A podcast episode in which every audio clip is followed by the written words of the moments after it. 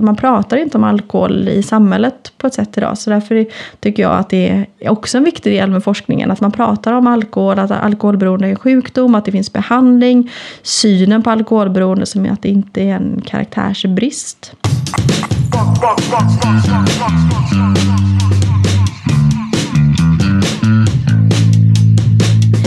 Hej, eh, här är Akademiliv igen. Podcasten från eh, Sahlgrenska akademin som är den hälsovetenskapliga fakulteten vid Göteborgs universitet. Och nu sitter vi här, jag och min kollega Pontus. Hej Pontus! Hej hej! Eh, och jag då som heter Elin Lindström Klassen. Vi sitter här med Elisabeth Järlhag Holm. Välkommen! Tack så mycket!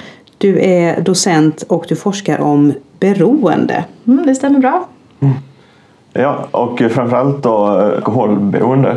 Då eh, tänkte vi bara börja med den här frågan. Är alkoholberoende är det en sjukdom eller finns det också någonting som, något inslag av att man kan styra det själv eller att man egentligen borde bara avhålla sig från att dricka alkohol? Eller? Mm. Ja, det är en väldigt eh, intressant fråga och en väldigt viktig fråga. För i samhället idag finns det fortfarande en syn på att alkoholberoende är bristande karaktär. Att det inte är så svårt att sluta utan det är bara att ta sig i kragen och sluta. Men det är inte så det fungerar utan alkoholberoende är en neuropsykiatrisk sjukdom som beror på förändringar i hjärnan Ehm, så det är inte enkelt för personer med en, ett beroende att sluta och det är därför det måste behandlas så i samhället. Personer med alkoholberoende bemöts inte alltid på ett bra sätt för folk tänker på att det är en dålig karaktär istället för att det är ett beroende. Du säger förändringar i hjärnan. Ja, precis. Det man har sett om man tittar på personer med alkoholberoende och det stämmer även för andra beroenden till exempel som är nikotin och heroin och amfetamin och metamfetamin så ser man att de personerna om man jämför dem med friska frivilliga som är matchade för ålder och kön och så ser man att det finns eh, en obalans i hjärnans belöningssystem hos de personerna. Och då ser man, har man bland annat sett att de har ett lägre antal dopamin D2-receptorer i ett hjärnområde som heter ventrala striatum. Och ventrala striatum är en viktig del av hjärnans belöningssystem. Och dopamin är då en neurotransmitter som är en av de som är viktiga för beroendeutvecklingen. Så det vet man att de har förändrade hjärnor. Alltså det här med, med belöningssystemet och så, det ska vi gå in på lite senare mm. tänkte vi. Men om man ser på alkoholberoende då som, som en sjukdom, alltså vilken, vilken hjälp kan man få idag om man, om man är alkoholberoende? Vilka läkemedel finns? Mm. Idag finns det fyra godkända läkemedel eh, mot alkoholberoende. Tre av dem tar man eh, vid varje dag och ett av läkemedlen tar man vid ett tillfälle. Eh, och det är ett som är mer traditionellt känt som är en spärrmedicinering som gör att man mår mer dåligt om man dricker alkohol. Och sen finns det två andra läkemedel som påverkar suget efter alkohol och gör att man inte blir, får en positiv erfarenhet när man dricker alkohol och även påverkar abstinensreaktionen för alkohol.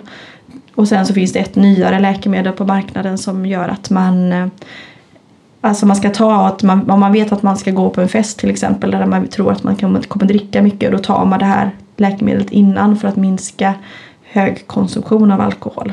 Så det finns absolut läkemedel på marknaden idag. Men det som är intressant är att om man tittar på prevalensen för alkoholberoende så är det ungefär lika vanligt som depression. Men antidepressiva läkemedel förskrivs 50 gånger mer än vad alkoholberoende läkemedel förskrivs. Och det är väldigt intressant vad det beror på. Och det har inte jag ett svar på. Men man diskuterar mycket att det kan vara samhällets syn på det. Att man inte ser det som sjukdom, hur vården ser på det. Att man inte vet allt om läkemedlen. Det är mycket som påverkar. Men det, man vet i alla fall att det är färre som tar läkemedel vid alkoholberoende än andra neuropsykiatriska sjukdomar som är lika frekventa. Och visst är det så att de här, de här läkemedlen har uh, olika effekt på olika individer? Alltså att man ja, kan, precis. För en del fungerar, fungerar det väldigt bra och hos andra kanske nästan inte alls. Precis, och det beror ju på att alkoholberoende är en väldigt heterogen grupp man har, är, man har olika karaktär, man, man, man, har olika, vissa kanske dricker för att man har mer ångest, vissa, vissa dricker för att man har en depression kanske eller vissa dricker för att man får en kick. Så det, det är en heterogen grupp som man dricker av olika anledning. Och då kan man ju även förvänta sig att olika läkemedel har olika effekter på mm. signalsystemen i hjärnan. Och då kan man ju logiskt tänka att det är inte konstigt att de har lite olika effekt på personerna. Men är det också kanske en anledning till att det här att man inte bara ser det som en sjukdom utan att det finns ett, ett beteende på något sätt som det hänger ihop med.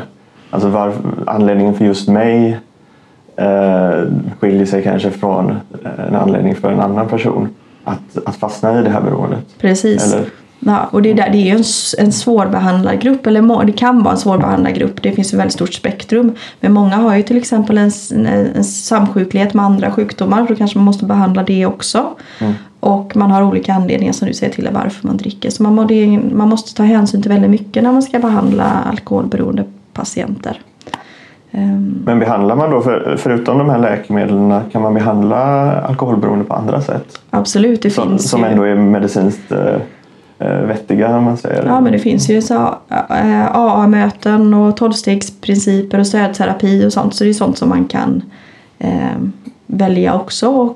Och, det man har sett att om man kombinerar läkemedel med någon form av stödterapi så kan det fungera också. Eh, och det man ska tänka på vid behandling det är att om ett läkemedel inte fungerar så kan man testa ett annat.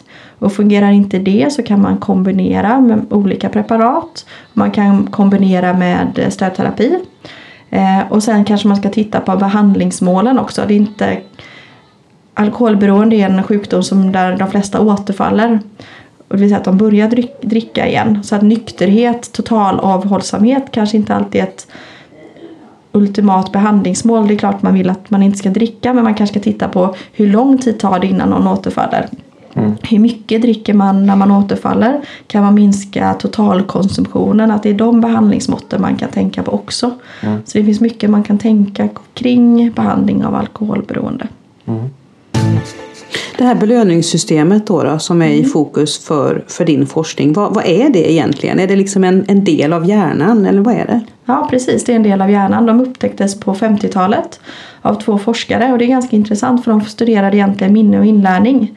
Men av en tillfällighet så upptäckte de hjärnans belöningssystem. Eh, Och det de hittade var att eh, råttor hade en elektrod i vissa hjärnområden och elektroden var kopplad till en pedal som råttan kunde trycka på. Eh, och då hittade de att i vissa områden så tryckte de upprepat på den här pedalen och stoppade man ner en honråtta så brydde de sig inte och stoppade man ner mat så åt de inte.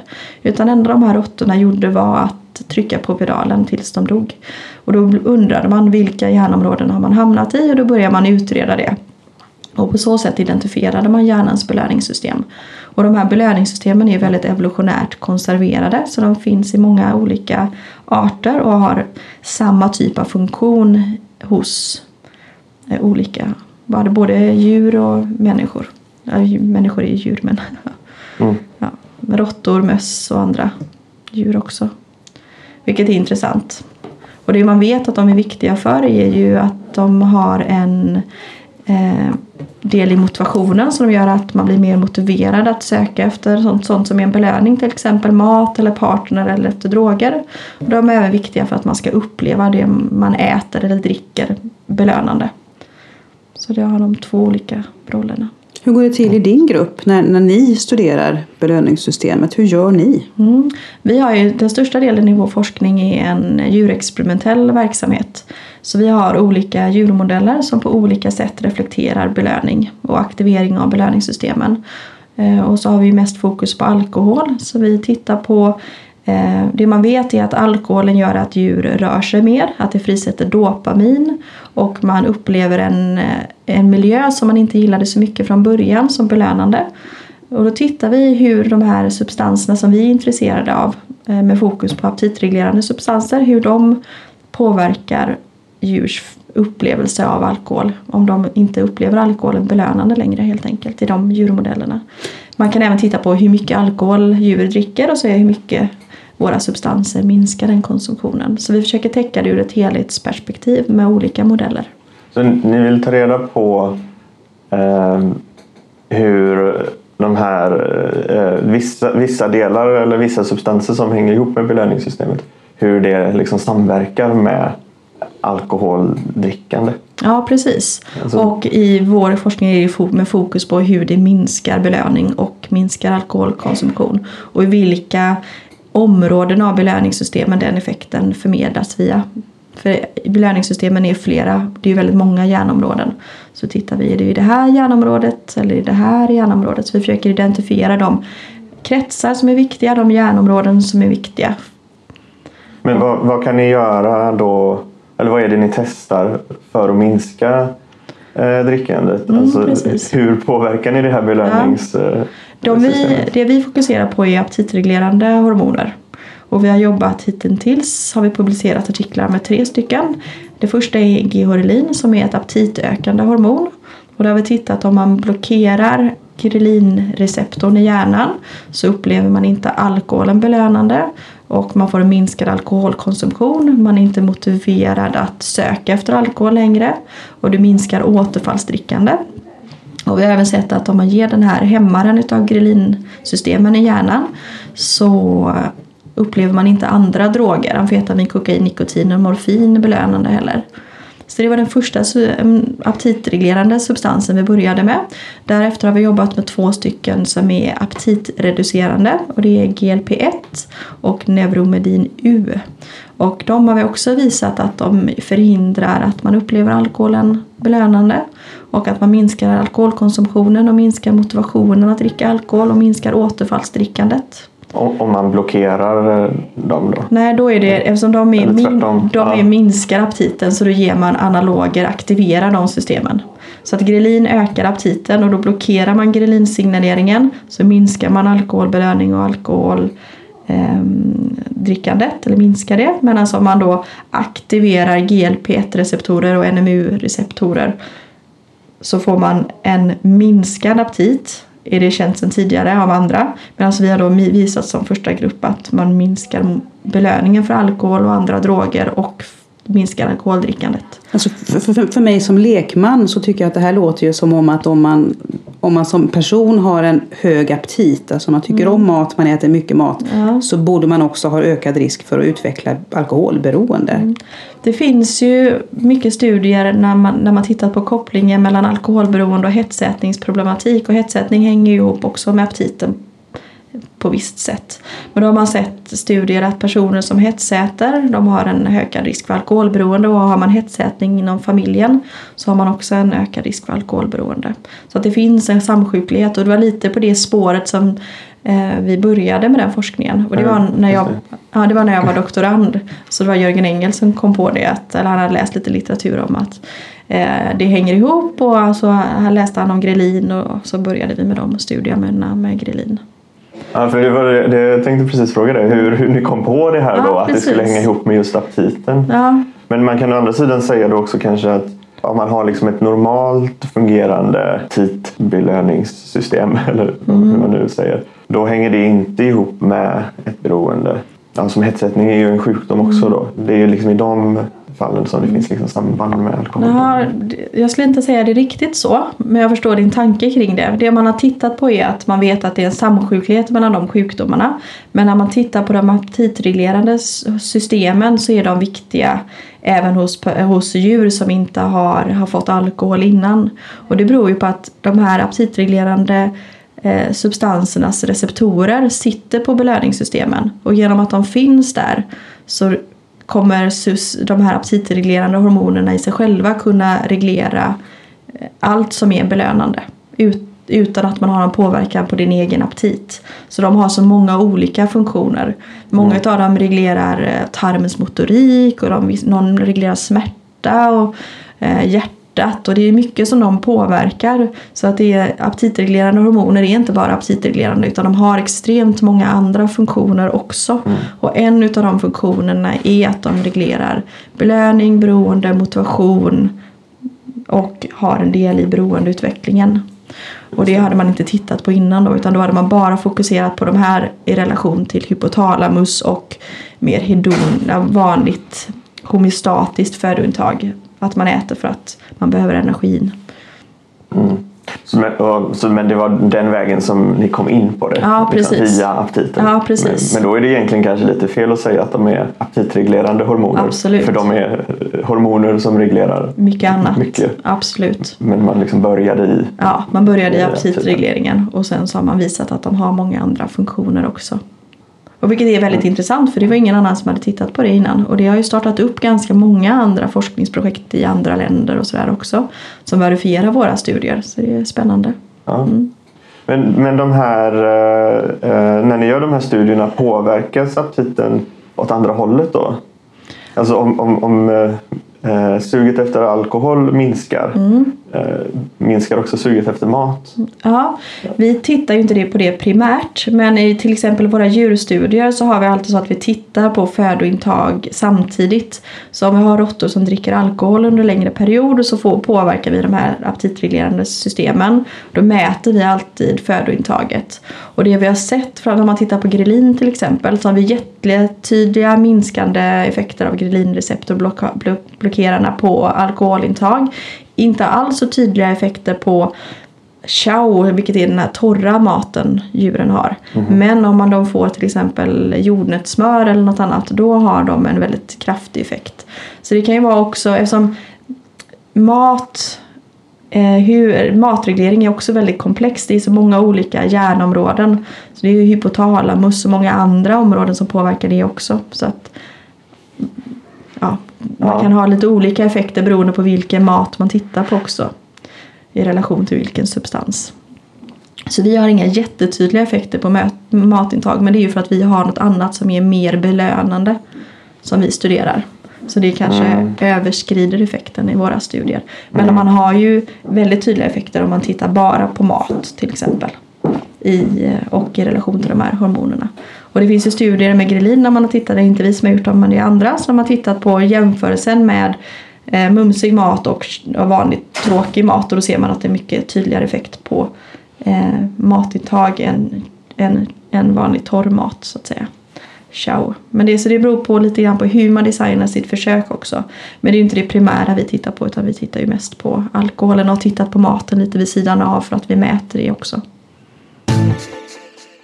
Finns det, eh, det, det har ni ju inte heller tittat på då antagligen, men andra delar, andra saker som är belönande kanske också skulle påverkas lite grann då, Ja, eller på något precis. liknande sätt. Mm. För det, det är inte bara mat och, och alkohol som är belönande då i, Nej precis. i, i Det stämmer bra. Vi har ju tittat på sexuellt beteende till exempel och man vet ju också att sexuellt beteende drivs via hjärnans belöningssystem. mm, Eh, Fortplantning, att det är viktigt för överlevnaden att man eh, fortplantar sig och får efterkomma så att säga. Så vi har sett, och då har vi tittat framförallt i relation till grelin, där vi sett att grelin ökar motivationen och interaktionen för med, eh, med honor, honor. Och sen har vi sett att grelinreceptorblockeraren minskar motivationen och interaktionen med en honmus. Så där visar det och sen har vi även preliminära data på GLP1 så har vi också tittat på det. Så att det är absolut så att de här eh, aptitreglerande hormonerna påverkar andra belöningar också. Och sen har vi tittat på eh, andra droger, amfetamin, kokain, nikotin, morfin där vi också ser att de påverkar. Så det verkar vara som att de här aptitreglerande hormonerna påverkar eh, belöningssystemen generellt. Att det är både naturliga belöningar men även droger vilket är jättespännande. Tycker jag. mm. Har ni någon eh, stor eh, forskningsfråga som ni söker svar på? Liksom, det här skulle vi vilja veta när det gäller eh, de här hormonerna och deras funktion i, för belöningssystemet. Absolut, det är ganska många olika delar. Dels är det ju, har andra aptitreglerande hormoner samma effekter? Det finns ju många hormoner.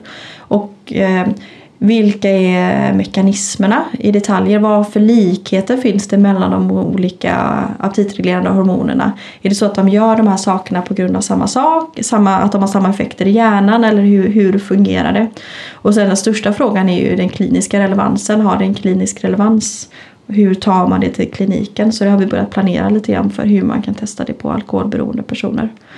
Vi har ju lite indikationer redan för vi har gjort genetiska studier.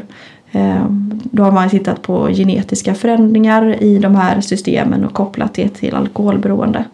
Så att det verkar som att det stämmer även för i människosituationen men det är ju stor skillnad att göra en genetisk studie mot att göra en klinisk studie på alkoholberoende personer. Men det här handlar då alltså om genetiska förändringar som också kan finnas i olika former hos människor och som påverkar vårt, Ja, vårt precis. beteende och vårt, och vårt beroende. Så det vi har tittat på är genetiska variationer i grelingener och i GLP-1-relaterade gener. Och har man de här genetiska förändringarna så har man sett att de här människorna har en ökad konsumtion av alkohol. Och även en ökad sockerkonsumtion i några studier. Och även ökad risk för amfetaminberoende. Så vi har tittat på lite olika nikotinberoende också till exempel. Så det verkar som att de här aptitreglerande systemens genetik även är av relevans. Men hur kan man tänka på det? Är det som att vissa, om man har en viss genetisk förändring, att man kanske då får en större belöning av det hormonet eller det hormonets funktion blir liksom får en större effekt? Eller? Precis, det är någonting vi funderar mycket kring för att det man behöver göra är ju att se vad, vad har den här genetiska varianten för, för, för relevans? Vad, hur påverkar det beteendet?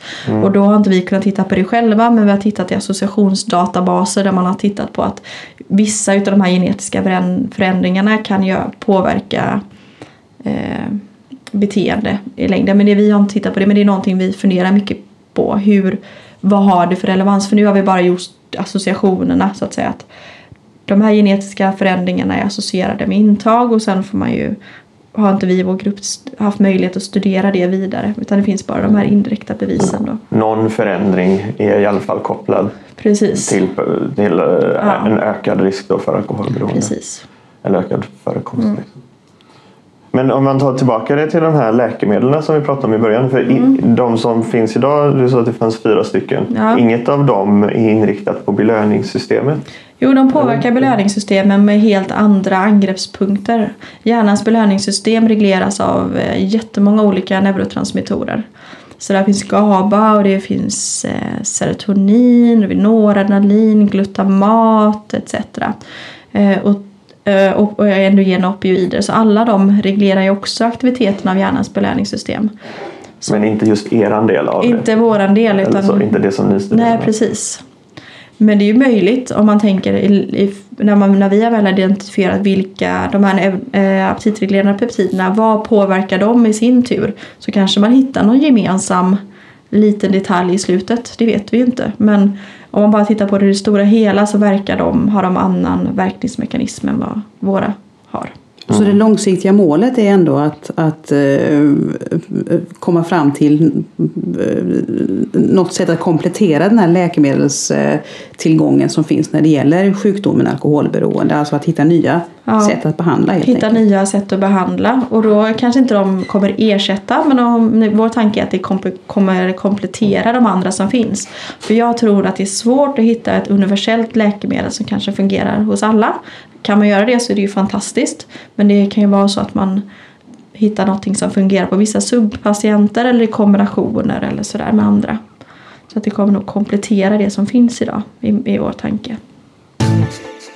Eh, alltså det, det finns ju, vi var inne på det här tidigare, det här att eh, det finns ju andra eh, saker som man i alla fall brukar säga att man kan bli beroende av. Du, sexuellt beteende nämnde du tidigare men det är ju något som man ändå vet att det finns en, en beroendefaktor när det gäller det. Men, men hur är det med till exempel eh, mat? Kan man bli beroende av mat?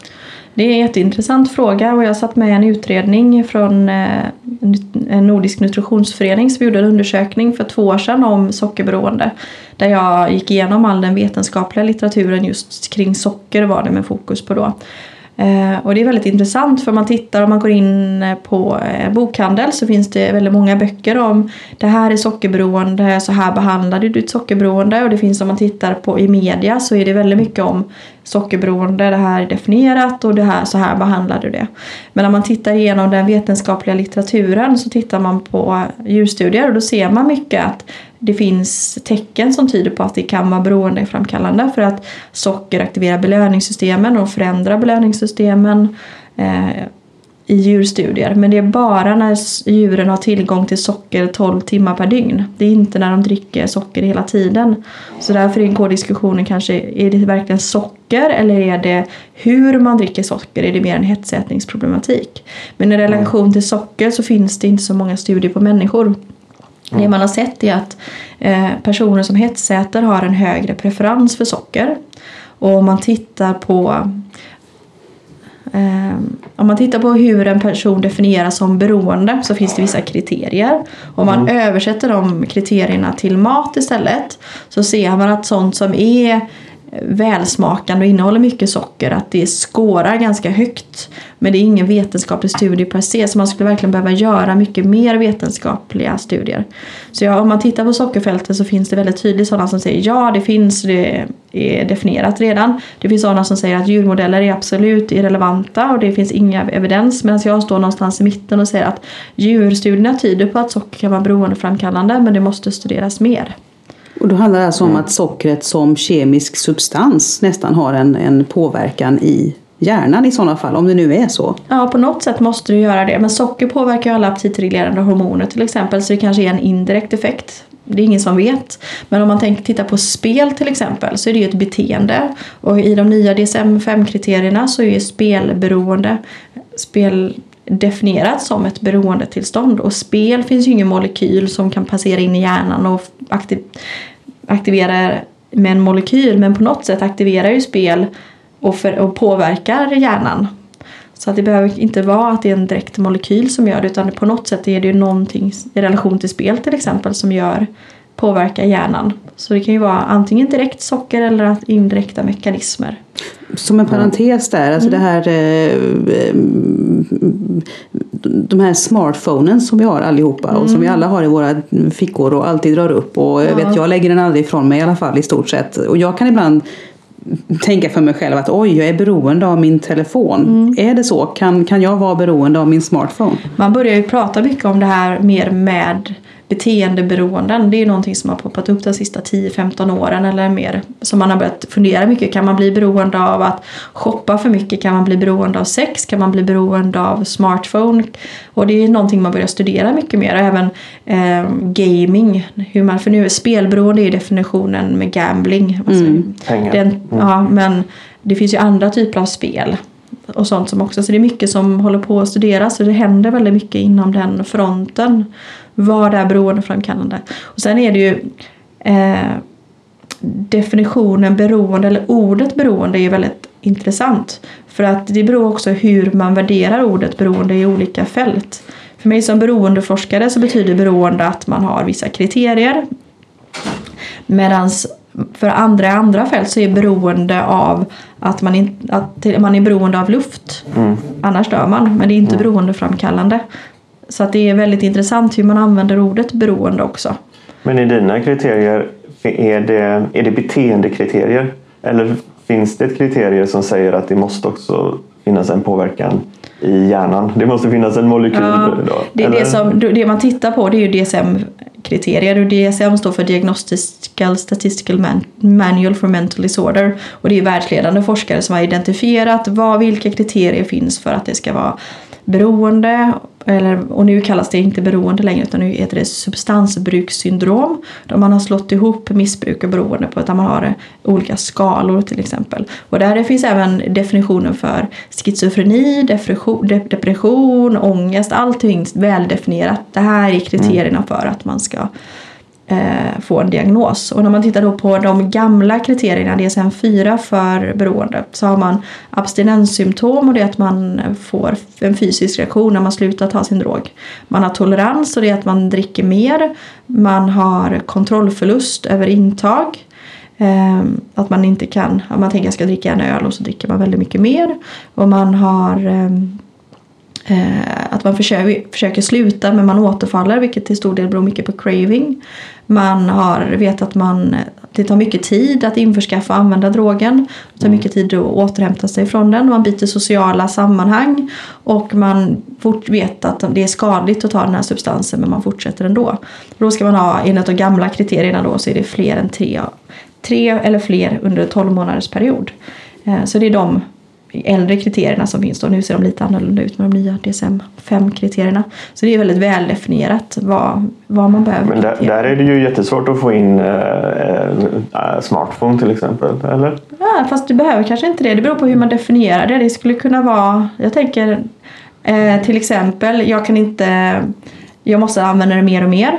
Det är ju en. Hur mår du om du inte använder den? Det kanske man får påverkan. Vad, vet jag, det är inte studerat. Men sen så eh, kan du inte kontrollera ditt användande och eh, du försöker sluta men när du slutar så gör du det ändå.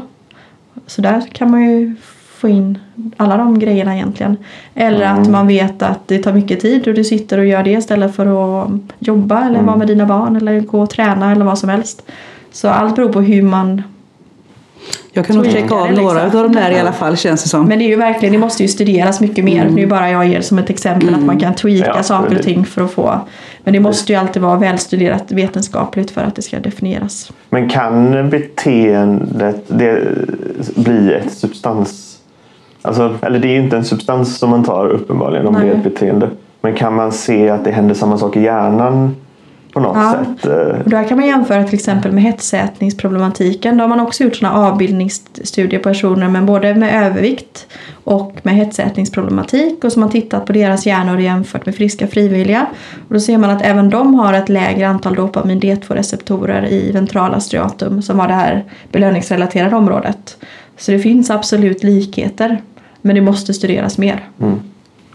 Men hetsättning är ett beroende.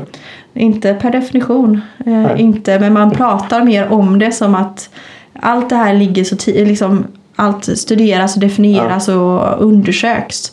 Eh, så man frågar sig, är det ett beroende? Eller, men allt, men, och, och det måste ju, det är inte med i DSM-kriterierna ändå utan då är det alkohol och droger och spel som är de DSM-kriterierna. Sen kan man ju teorisera och, och hypotisera att man tror att det är ett beroende. Och det är väl där man tänker att det kan vara så att hetsätning eller hur man äter eller sex eller vissa saker kan vara beroenden och beroendetillstånd, beteendeberoenden. Men det måste studeras mer.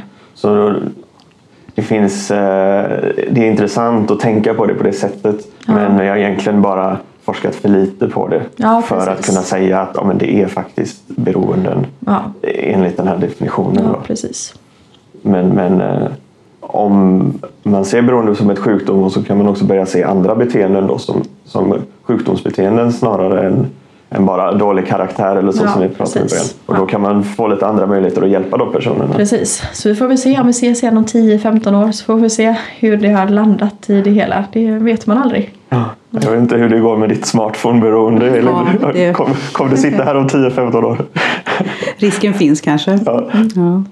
Men jag, jag blev bara lite nyfiken. Hur kommer det sig att du kom in på den här banan överhuvudtaget? Alltså, hur kommer det sig att du blev beroendeforskare? Ja, mycket i livet är ju tillfälligheter och även det här var något av en tillfällighet. Jag har alltid varit väldigt nyfiken och velat veta mer så jag har alltid tyckt forskning är väldigt, väldigt spännande.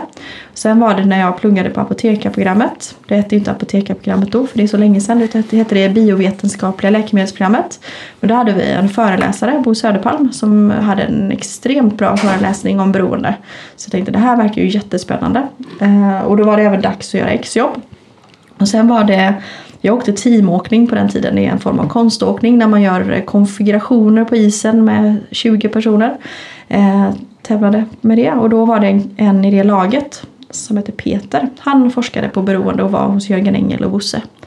Och eh, då tyckte jag det verkade väldigt spännande det han berättade om. Eh, hur de forskade och vad det innebar och sådär. Så då kontaktade jag Jörgen och så frågade om jag fick göra exjobb hos honom. Och på den vägen är det. Så jag började göra exjobb 2002. Så det är några år sedan nu.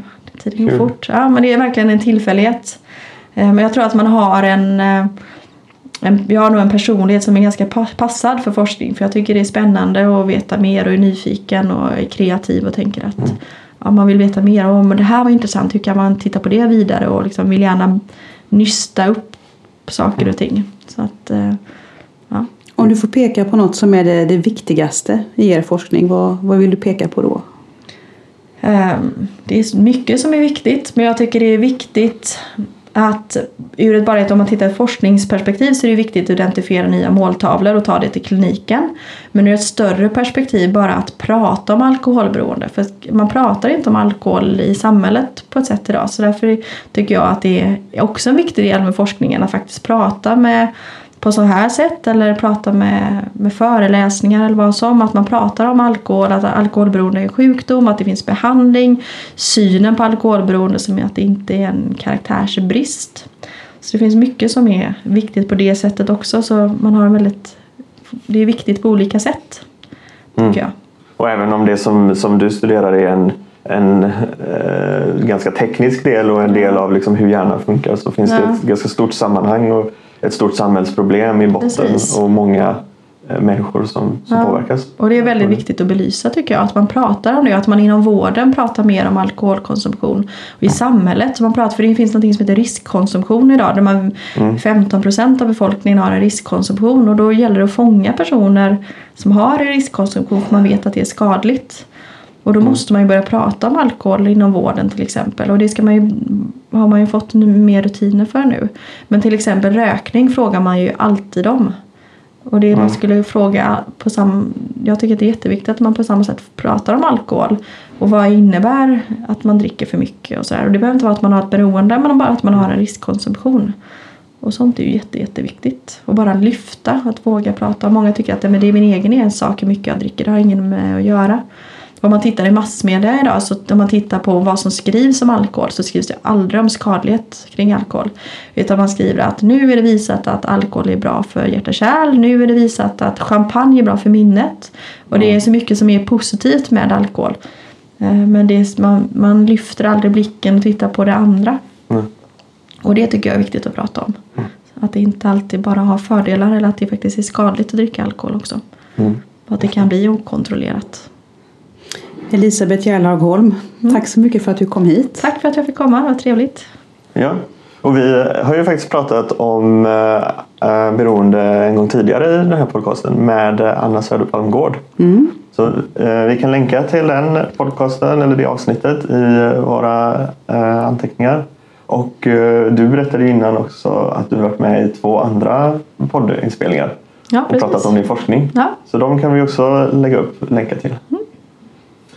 Eh, Och det här var en podcast då från Sahlgrenska akademin, Göteborgs universitet. Vi eh, finns bland annat på iTunes och Soundcloud och andra ställen där du laddar ner podcaster. Så kontakta oss gärna med frågor eller om du har tips på ämnen som vi ska ta upp på adressen akademiliv.gu.se eller leta upp oss på Facebook och Twitter eller Instagram. Tack! Hej då! hej då! Hej då!